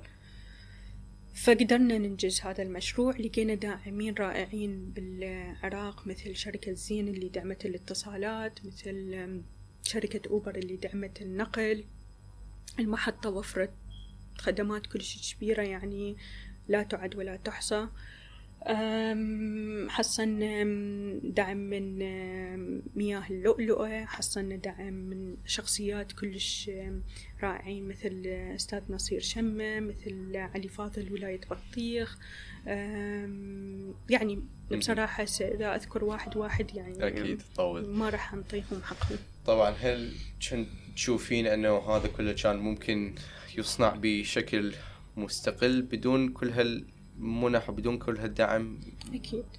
لأن هذا فيلم طويل يحتاج لمصروفات كبيرة يحتاج ل team يحتاج لكل هاي الأشياء. فأكيد ال- السينما عمل جماعي. مو مثل الدراما يجيك صاحب القناة ينطيك التمويل ويقول لك روح انجز. فلازم هذول الأشخاص وهي واحدة من إيجابيات الصناعة هاي إنه أنت عندك هذول الداعمين كلهم عندك موافقات من الدولة عندك آه، النقابة تدعمك عندك وزارة الداخلية تعطيك شغلة معينة وزارة الصحة كانت متكفلة بكل ال- الأشياء العدد مال الطبابة مال كورونا فيعني هاي شوي ترسمي لي صورة مثالية تقريبا للحكومة. يعني أنا من أباع الحكومة وأتخيل أنه هم هيك راح يكونون مستعدين ومنفتحين لهيك شيء أكيد. لكن ماكو صعوبات بهالعملية لا يعني أكيد. لا أكيد. بس شوف حتى أكون صادقة وياك أني قبل يمكن ساعات كنت ويا المخرج أحمد ياسين اليوم وصل من مهرجان بوسان كان مشارك ضمن جنان معلقة بعرض مهرجان بوسان. فجيت أقول له إنه إحنا واحدة من الأشياء اللي لازم نتفق عليها إن ننطي صورة آه، إيجابية عن الجنان. لأن دائما الأفلام اللي تطلع من العراق يطلعون المخرجين؟ إحنا ما توفر لنا إحنا ما مدري شنو. بس ما لازم تكون سوداوي لأن أنا بتجربة جنان أريد أسوي باور لبقية الشباب إنه يروح يجازف يصنع شيء. بلد مثل العراق بيه إيجابيات وبيه سلبيات.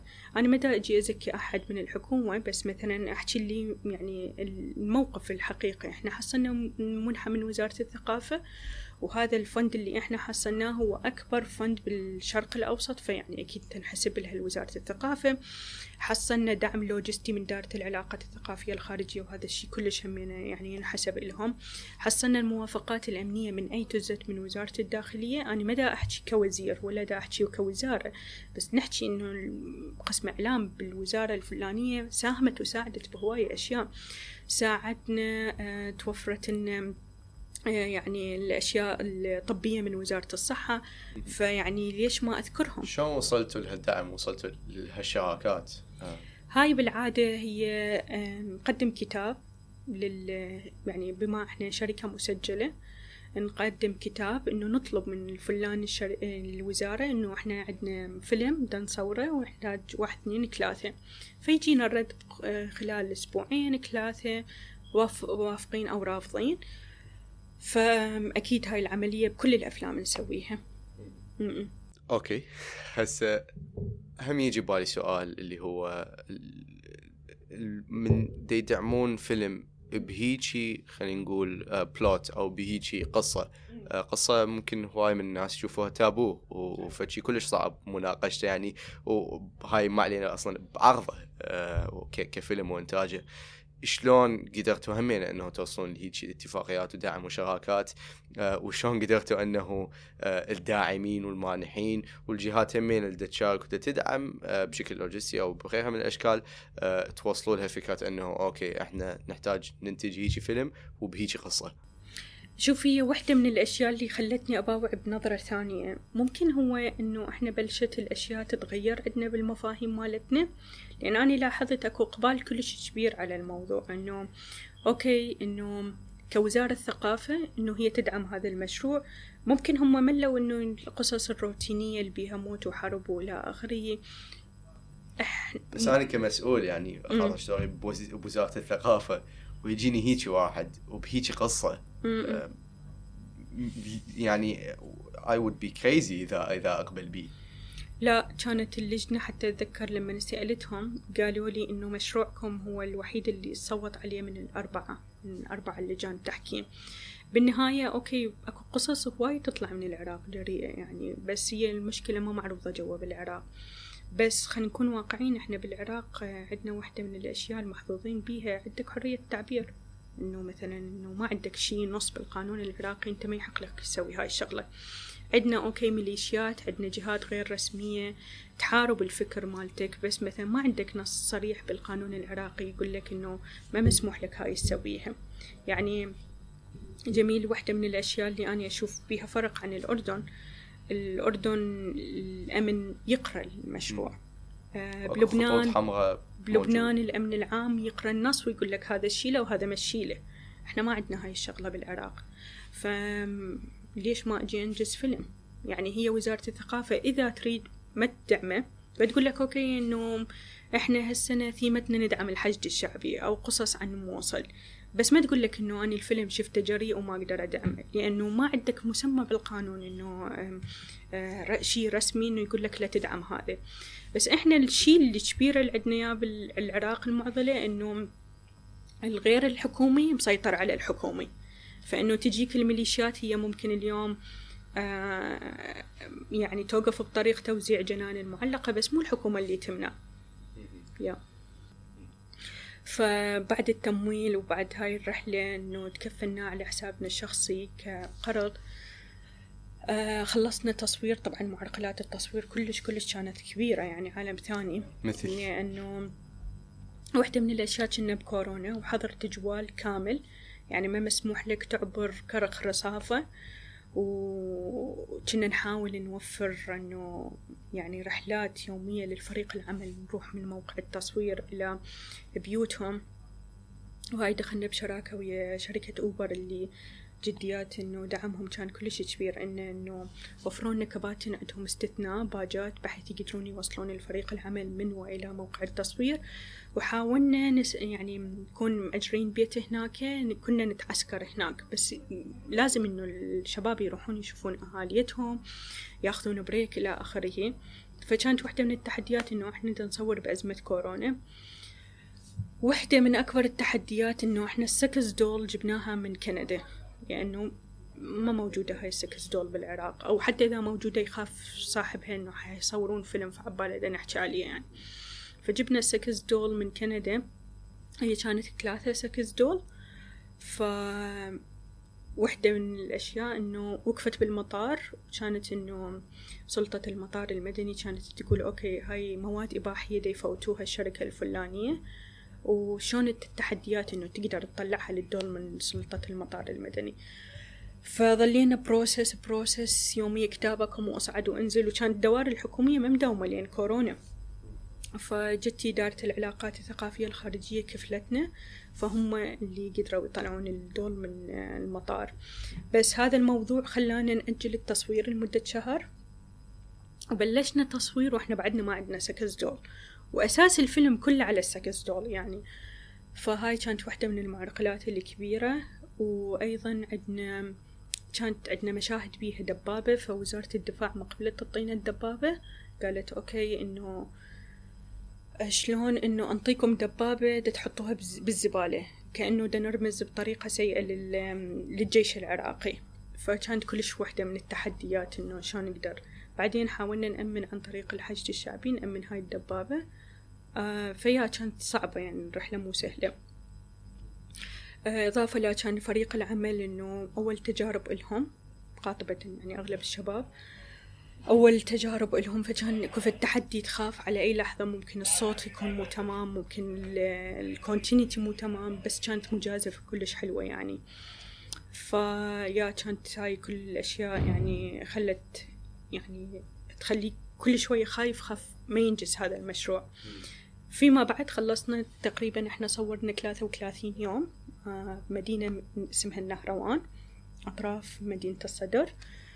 وأنجزنا وخلصنا وبلشت بعدين رحلة المونتاج. بعدين لما بلشنا يصير عندنا أول رفكات للفيلم آه بلش ينضمون آه رعاة آه منتجين مشاركين من بدأوا يشوفون يعني إنه أكو منتج فعلي يا يا يا. بدأوا بيقتنعون صارت أكو ثقة لأن هو دا يشوف مادة حاليا. فكانت العملية أسهل بالمونتاج وأسرع. آه من حكيتي عن الفريق فإنه هم كلهم بعدهم جديدين على هذا المجال. آه، أول شيء ليش؟ وهل أكو فكرة من أن تجيبون ناس جديدين؟ آه، ماكو ناس اوريدي خبراء بالعراق لو هم ذولا ممكن يكلفون أكثر من الموجودين بالجديد. شوف جميل واحدة من الأشياء إنه إحنا يعني الشباب الموجودين هم أغلبيتهم يشتغلون دراما وما تضبط الدراما بصراحة ما تقدر تضبط ويا شغل السينما. يعني تحاول انت بلحظات معينة تلقى لك فد خيط مشارك بين الاثنين فما تقدر. فكانت الغاية إنه أوكي خلينا نبلش من جنائن وممكن هذول الفريق فيما بعد يستمرون ويانا بمشاريع أخرى. يعني أنت بكل فيلم تنجي تنجز تدور على فريق عمل. وفريق عمل يشتغل سينما مو يشتغل آه، دراما ومستعجل ويلا ويلا وما أعرف شنو. إضافة لفريق عمل إنه مثلا أجور الدراما كبيرة السينما ما تتحمل هاي الأجور الكبيرة يعني. آه فيا يعني قلتوا أوكي لازم نجيب ناس آه. بعد جديدين يعني على المجال. مو نجيبهم كان الغرض إنه يعني نجيبهم بس كنا نبحث عن أشخاص فعليا حقيقيين يقدرون شرايين للهم اللي إحنا بدنا نشترك بيه يعني. ف يعني حاولنا هاي الرحلة طبعا أخذت وقت كلش طويل يعني. أنت كل يوم تقابل لك أحد ها أوكي ما ضبط بعدين نجيب البديل ها ما أعرف شنو إلى آخر صفينا بهذا الشكل الفريق اللي إحنا كنا بيه. كنا تيم صغيرون 17 شخص ف يا إنه كانت هاي التحدية كلش كبيرة يعني. ظلت فترة طويلة يعني حتى نلقاهم هذول الأشخاص. أه وشلون كان همين التعامل وياهم؟ أه شلون كان أه يعني تدريبهم وايصالهم المرحلة خلينا نقول. آه، بحيث نقدر نعتبرهم أوكي ناس هسه قابلين على الشغل آه، وحدهم بدون إشراف دائما موجود يعني فوق رأسهم. آه، هي كانت تجربة رائعة. هم الحلو عندهم يعني رايدين يتعلمون وهذا طبعا هاي بداية النقطة الصح اللي أنت دا تروح وياهم لأنه هو إذا جايك عنده شغف يتعلم أو عنده شغف بالعمل فأنت تقدر تقدر يتحمل كل شيء يعني بما معنى. فكانت عملية إنه أوكي آه، عندنا مدير تصوير محترف عندنا المخرج محترف عندنا مساعد مخرج محترف فعندنا هذول الأشخاص شلون يقدرون إنه نبادل خبرة يعني ما, ما نوصل مرحلة إنه بدنا نطالبهم بفيلم بدنا نصنعه بهوليوود يعني. فشوي شوي تدريجيا لحد ما إنه نصنع فيلم يعني. فكانت تبادل وياهم كلش جيد. وهو هي ال energy مالتهم كانت مساعدة إنه الموضوع إنه تطلع بهالطريقة. أه شنو يصير ما بعد الإنتاج؟ أكيد تبلش مرحلة ما بعد المونتاج اللي هي مونتاج آه، ال color ال sound ال music كل هاي المرحلة. هاي أخذت تقريبا سنة ويانا طبعا إحنا كنا سريعين يعني لأنه حكم إنه التمويل كان همينا إنه متوفر فقدرنا إنه نمشي بيها. آه بعدين تدور على الشركاء اللي حيكونون وياك شركات التوزيع. شلون تبلش إنه تسوي خطة توزيع للمشروع إنه وين يا مهرجان وإلى آخره. ف هاي كلها المرحلة تبلش يعني ما بعد التصوير. فأكيد إنه كانت هم مو سهلة يعني ما أقدر أقول لك صعبة بس كانت ضغط لأنه بفترة قليلة دا نحاول ننجز أشياء كلش كبيرة. فحاولنا بوقت قياسي يمكن سنة. أقل من سنة إنه إحنا نخلص الفيلم بالكامل ويكون بفينس يعني. فكانت أكيد النتائج حلوة إنه إحنا كفيلم عراقي نكون بهيج مكان كبير مثل مهرجان فينس ف يا. شلون كان؟ كانت رائعة التجربة بصراحة. هي مثل اللي أقدر أقول لك إنه أنت دا تشوف التعب مالتك على الشاشة ووسط مهرجان وصناع أفلام وعالم سينمائي تحلم بيه كنا يعني بقاعة بحفلة الاختتامية ويا شخصيات نشوف أفلامهم من كنا إحنا صغار. كنا نقول أوكي حيجي فد يوم إنه نوصل نشوفهم هذول الأشخاص. وأنت اليوم جاي تنافس في فيلمك وياهم فكان فد شي كلش يعني فيوز بالنسبة لي. اي اي اي أكيد. أم، واللي هو مهرجان أتصور يعني أه، يعتبر من أهم الإنجازات اللي يعني هو أعرق مهرجان حول العالم هاي الدورة التسعة وسبعين فأكيد مو كانت سهلة يعني. مم. هل انت كاتبة فيلم مرة هيجي وحدك بشكل كامل؟ لو دائما تستعينين بالمخرج نفسه بالكاتب بغيرها من الجهات لو أكو مرات أكو فيلم أنتج من جهتكم بشكل كامل أو يعني ما أعرف بالضبط إذا أنتج كلمة صحيحة بس صنع من قبلكم بشكل كامل أه كتابة أكيد هي من ضمن رحلتي بالبداية إنه كان لازم أتعلم كتابة لأنه إحنا كنا نؤمن إنه المرحلة الأولى بصناعة الأفلام هي الكتابة. فأكيد إنه أني خرجت مشروعين قصيرات وكنت الكاتب بيهم يعني وشاركت أيضا كتابات مشتركة مع أحد الزملاء. بس يعني مو شايف مو الفوكس مالتي. يعني إنه اللي- إنه أقعد أكتب. هسه إحنا ميالين السينما المستقلة اللي هي مثل ما يقولوا هي كتابة وإخراج الشخص نفسه. يعني بالنادر بالنادر أقدر أقول لك هسه بالفترة الأخيرة صار أكو كاتب وحد وأكو مخرج وحد دائما يصير كتابة وإخراج ويا الكات ويا المخرج والكاتب يكون أكو آه كاتب مشارك. هذا جميل. أكيد واحدة من الأولويات اللي الحال يختلف بال بالدراما. بالدراما. أكيد ما هي الصناعة تختلف المسرح عن الدراما عن البقية. أم، مثل ما أرجع وأقول لك إحنا بدنا نصنع سينما مستقلة سينما المؤلف يصرحوا لها. فأكيد تعبر عن وجهة نظر المخرج تعبر عن يعني تطلعاته وكل هاي الأشياء. فلهذا أنه صايرة أكثر بيها خصوصية مش شابكة الأشياء مهم. آه، شنو نموذج العمل الفعلي هو ل- لشركة أشتار آه، هو هسه تحصلون ال- ال- التمويل. آم، من يوصل التمويل هل هو الحصة الكاملة تكون لكم كشركة إنتاج وعلى أساس توزعون؟ لو هي تكون لكم بعدين أكو المخرج وشلون على أساس تحددون شنو الكمية اللي تشوفوها زينة أنه تبقوها كربح صافي. شوف آه، هو مرحلة التمويل تختلف أكو آه، مرحلة تمويل تطوير اللي هي السكريبت الاستشارات ال co-writer كل هاي المرحلة اللي يصيحوا لها التطوير. بعدين تجي مرحلة ال production اللي هو صناعة الفيلم on set يعني وهي أكثر عملية مكلفة لأنه يحتاج لها فريق عمل معدات آه، مواقع هواية أشياء. آه، مرحلة ما بعد الإنتاج اللي هي ممكن أنت تحصل تمويل على ال music على ال sound على التلوين. آه، ومرحلة التوزيع. فكشركة عشتار بالفترة الأخيرة هي تاخذ المشاريع من الكتابة لحد التوزيع. ف وممكن نشتغل بالفترة الأخيرة تنفيذ. يعني يجي مشروع مثلا خلينا نقول سويدي سويسري يريد ينفذ مشروعه بالعراق فنحن نقدم له خدمات الإنتاج بالعراق. يعني معدات فريق عمل موافقات إلى آخره. فما عندي نموذج واحد أقدر أحصره أقول لك إنه شركة عشتار تسوي. لأن ممكن شركة عشتار تدخل بإنتاج فقط بالتطوير. أو ممكن شركة عشتار تدخل بس بالإنتاج أو ما بعد الإنتاج. فيعني يعتمد. على بيا مرحلة تداخلين متع... معتمدة على البروجكت هو شنو اللي يحتاج يعني. مم. إنه من جاي يريد شركة عشتار شي يريد من عندها يريد تنفيذ يريد موافقات يريد تمويل شنو اللي يريده يعني. في غالبية الأحوال أكو شيء نقدر نستعمله كمثال في حال مثلا جنائن المعلقة مهم. فهل التمويل كان من مرحلة التطوير إلى مرحلة التوزيع؟ آه، جناء إن أرجع وأقول لك هي كانت التجربة الأولى فكانت الموضوع أكثر شخصي يعني تمويلنا كان على حسابي وحساب المخرج فما كان أكو مثلا خلينا نقول شي محصليه حتى نجي نوزعه فيما بعد يعني بنهاية ال production كان إنه حصلنا وزارة الثقافة حصلنا ال Red Sea بالسعودية حصلنا آه إنتاج مشترك مع مصر. فهاي جتي وفق كل مرحلة. بس أكيد ك... لما تجي التمويل يصب المشروع نفسه. يعني ما راح تاخذ شركة عشتار شي من هذا التمويل تنتج المشروع. لأن الهدف الرئيسي أنت تخلص هذا المشروع. تاخذ أرباح يعني ترجع فلوسك أو تاخذ أجورك من الأرباح مال الفيلم. فهاي تصير الآلية هنا. أرباح مال الفيلم منين تجي؟ من العروض من آه عروض تجارية عروض منصات عروض آه يعني عروض كاملة.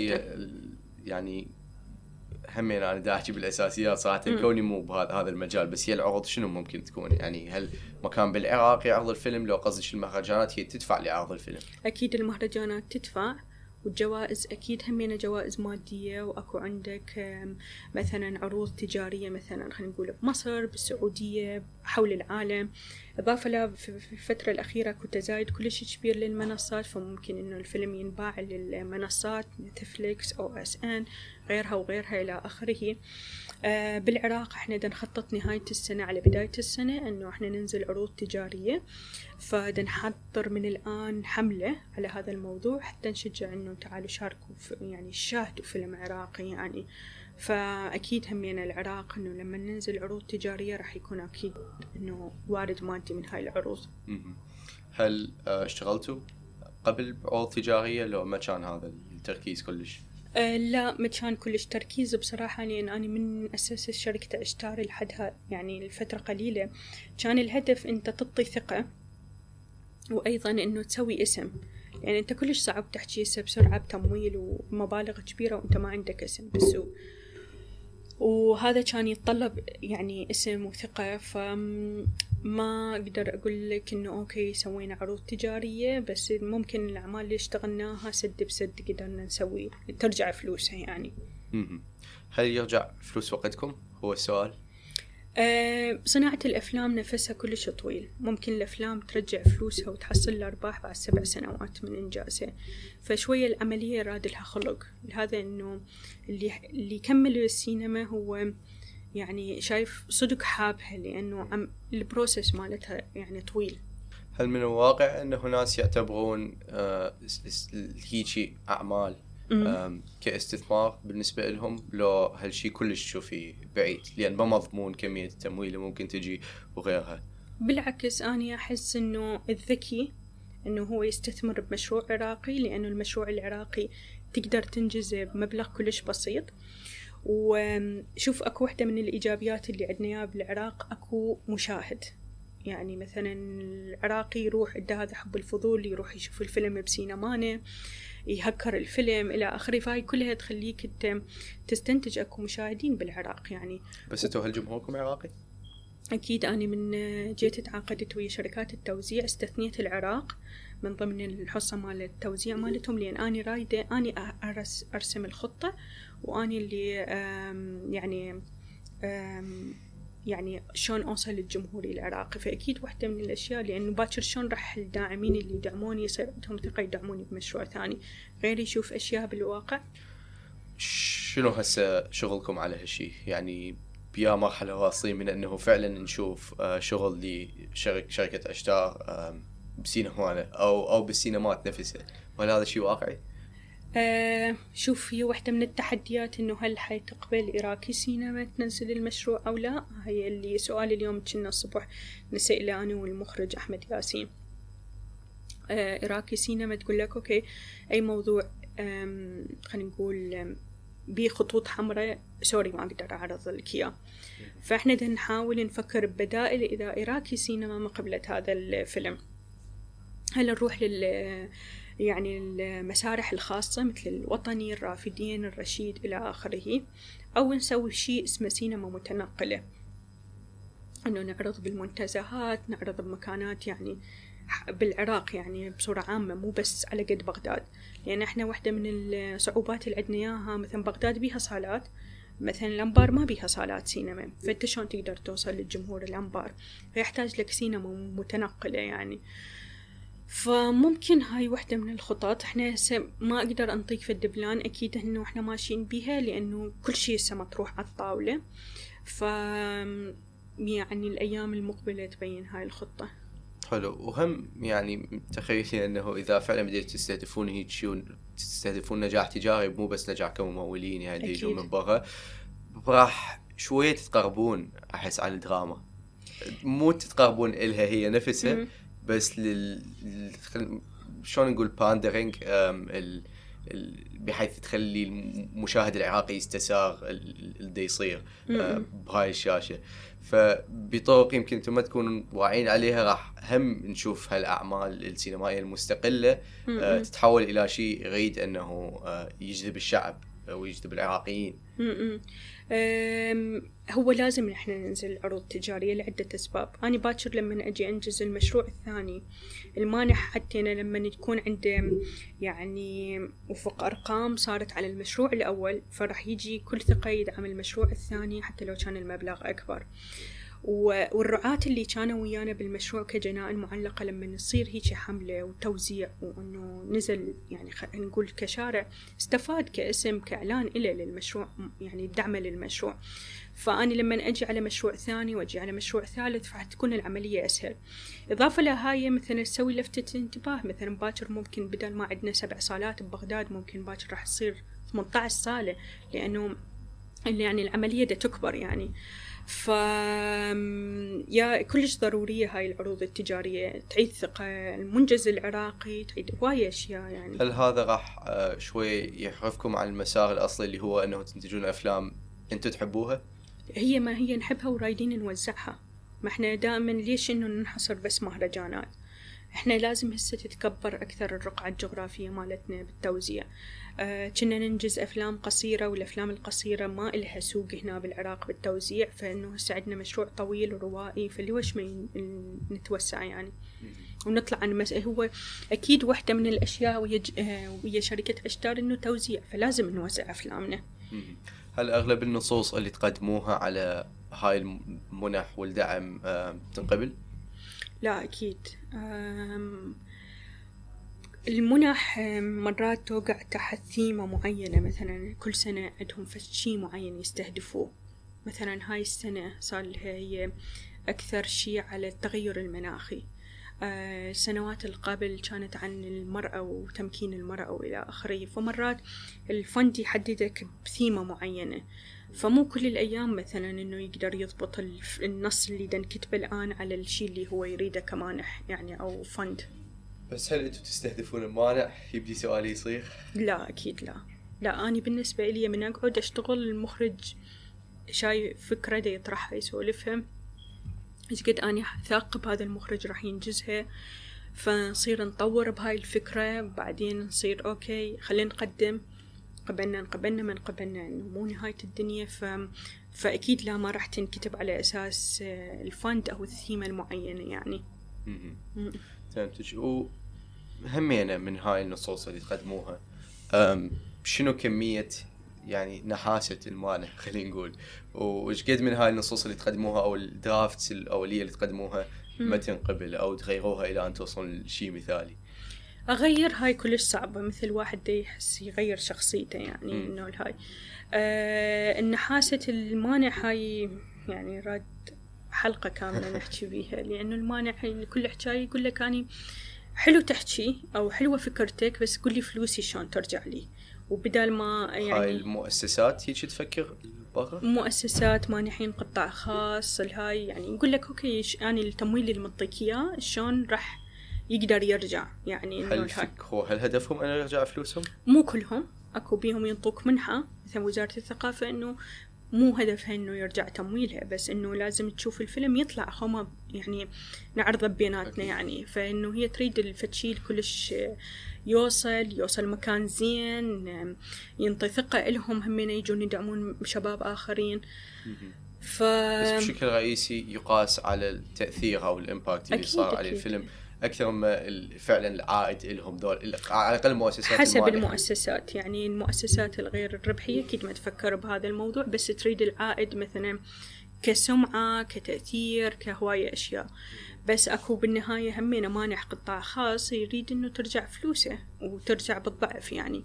وهذا جيد لأنه بصراحة إذا دخل استثمار بالسينما آه وصار بيه ايراد فإنه حيشغل يسوي حركة كلش كبيرة. وهو بالنهاية السينما حالها حال أي بزنس يعني إنه ليش إنه لازم لأنه ثقافية لازم إنه ما ما بيها وارد مادي. إحنا هذا الموضوع كلش شائك يعني القطاع الإبداعي بصورة عامة بالعراق ما أعرف هو ليش إنه صاير دور الخطية اللي الدولة لما يزيد عندها فلوس الشمرة للثقافة. اللوحة ممكن تجيب آه، فلوس للي يصنعها ال music ممكن تجيب. السينما ممكن تجيب فما لازم إحنا نكون مسوين الثقافة بصورة عامة إنه صدقة للكل إنه تعال شوف بس يعني وتجدي مشاهدين يعني. فلازم تجي وتشوف تقطع ticket وإلى آخره.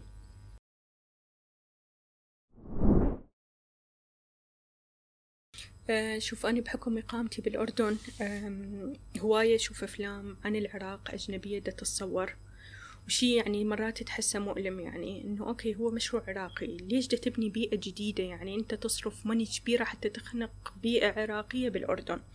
فهذا كلش يعني يصورون ب location إي يتم تبني موصل كامل بالمغرب. مثلا فيلم مثل الموصل انبنى بالكامل بالمغرب. فصنعوا بالكامل المدينة مثل المدينة القديمة. فأنت صارف بالمليون دولار على location ترى too much يعني إنه الهاي. فلما جيت أقول للهاي ليش ما تجي تصور بالعراق؟ يتوقعون العامل الأمني هو كلش سيء لدرجة أنت أول ما توصل مطار بغداد أكو قناص دا يضربك. فجيت بالفترة الأخيرة من أشوف هذول الأشخاص ومتردد ها أنا عاجبني والله أصور بالعراق أكيد أقل تكلفة بس إنه ها آه شلون رح نقنع الجهات اللي تعطينا التموين ندخل بالعراق أو فد شي بالفترة الأخيرة قمت أسوي إنه خدمات الإنتاج بالعراق free حتى تجي هاي الشركات. فناخذهم إنه وأسوي لهم موافقات أمنية free نسوي لهم يعني ال process كله إنه free ما عدا فريق العمل لازم يندفع له فلوس. ولما يجي المنتج يقول okay أنا ما كنت اتخيل بالعراق هيجي إنه okay انتو عادي بدون حجاب انتو عادي عندكم شارع انتو عادي عندكم هيجي ف فهاي العملية وإحنا هذا الوسط صغيروني فإنه من واحد لواحد تتنقل يعني. فبالفترة الأخيرة أكو حركة نوعا ما زينة إنه دا تجي أفلام تتصور ما أريد أقول لك كم كبير بس إنه اثنين إذا بالسنة إنه دخلوا للعراق دي يصورون هاي الشي كلش رائع. ف وهاي تنشط فيما بعد تنشط. إحنا عندنا بالعراق تنوع بالمواقع وهذا الشيء كلش زين. تنشيط سياحة هم بحد ذاته يعني مثل الأهوار مثل الجبال بالشمال وإلى آخره. فهاي كلها إنه يعني تصب بمرحلة يعني business سياحة يد عاملة وإلى آخره. مو لأنه شركة عشتار مميزة هم يجون عليها بس أني مثلا من أعرف شخص بده يحاول يصور ومتردد فإنه أحاول إنه أوفر له خدمات تعطيه طمأنينة إنه يجي يصور بالعراق إذا كان العامل الأمني إنه معضلة إنه okay راح تطلع وياك دورية من A to Z إنه تكمل لك العمل. فريق عمل وغيرها وغيرها وغيرها وهاي همينة إله تقليل ميزانية لأنه العراق مقارنة بهواية دول إنه أكيد تكلفته بصناعة الأفلام كلش هواية أقل عن البقية. هم نشوف فيها استثمار بشكل من الأشكال أكيد. لأنه أنا حجيب هذا عارفه على هاي البلد أكيد أكيد. وبعدين إنه آه إله هو همينه كمنتج أجنبي يحس إنه مثل الفتشي يعني إضافة للسي في مالته إنه جايب بلد جديد ما مثل الأردن هواي جاي منتجين فما عاد سويت فد شي جديد. فهو طب المنطقة مثل العراق نضاف له شي جديد إليه. وبعدين أنا ما شايفة سيء الموضوع بالعراق بصراحة يعني. لأنه أني هسه مثلا وحدة من الكاظمية أروح وأجي ما أعرف شنو. ما فد يوم أحد قال لي تعاي شنو منو الهاي يعني أكو شيء أقدر أبالغ بيه وأقدر أسوي الكياسة من الحبة كبة وممكن شيء تتقبله. مجال السينما أنا بالعكس وحدة من الأشياء دفعتني إنه أشتغل إنتاج لأنه بنية لأن أنا أروح لوزارة الصحة أخلص الكتاب بساعة في حين أدز شباب ثلاث ساعات أربع عشات ليهم. أو يبقى الكتاب أسبوعين ثلاثة. العراقي شوية عنده عامل الخجل فيقول لك صعب أفشل بنية فيعطيك إياه بسرعة للموافقة أو يقطع لك شارع أو ما أعرف شنو. فهاي واحدة من الإيجابيات ليش إنه إحنا دائما نباوع أسوأ شيء يعني؟ هدى آه كلش أشكرك على آه مشاركتنا تجاربك هاي اليوم. آه دائما كلش أتونس بالحكي وياك مو قليل ابدا اللي اتعلمه ومو قليل اللي آه، تلهميني به آه، بحكيك وبقصتك وبال مشروع اللي تشتغليه والشباب اللي تشتغلين وياهم اللي هم وحدهم انسبريشن بحد ذاته والشغل اللي همينه يطلع منكم. كلش متحمس انه أشوف الاعمال اللي أنا بعدي ما شايفها لحد الآن شخصيا. كلش متحمس انه اطلع أكثر عليها وانه همينا آه، يجي يوم نشوف هالقطاع آه، بشكل آه، مزدهر أكثر بشكل بحيث إحنا مو بالبودكاست يكون هذا أول شخص نجيبه بالقطاع نعم. الإبداعي نجيب أكثر ناس يحجونا ويشاركونا وجهات النظر هاي لأن قطاع أكيد له بوتنشل مالته والشركة أكيد لها بوتنشل مالته وشغل فعلا بمعنى كلمة ملهم اللي نعم. يصير ممنونك كلش على كونك ويانا اليوم وشكرا شكرا جميل. وأني أشكر صبرك إنه تحملتني لحد ما نسوي هاي الحلقة. بالعكس لا لا ابدا طبعا. آه، كلش يعني هدى هي بيزي مرات خلينا نقول. فكان أكو صعوبة إلى أن نوصل للنقطة اليوم لكن بيزي لسبب. زين بالتأكيد. وأني كلش أشكرك من تواصلك دائما يعني. آه، وعلى آه، صراحة آه، شفافيتك وتواضعك. زين اللي أعرف أنه في عالم موازي ما كان له نشوف هدى بنصها التواضع وبهالشخصية اللطيفة واللي ممتع الحكي وياها بالحلقة وحتى خارج التصوير وإن بيرسون فشكرا و يا ات واز فun شكرا. هدى تعبتكم أنا حشلع للجماعة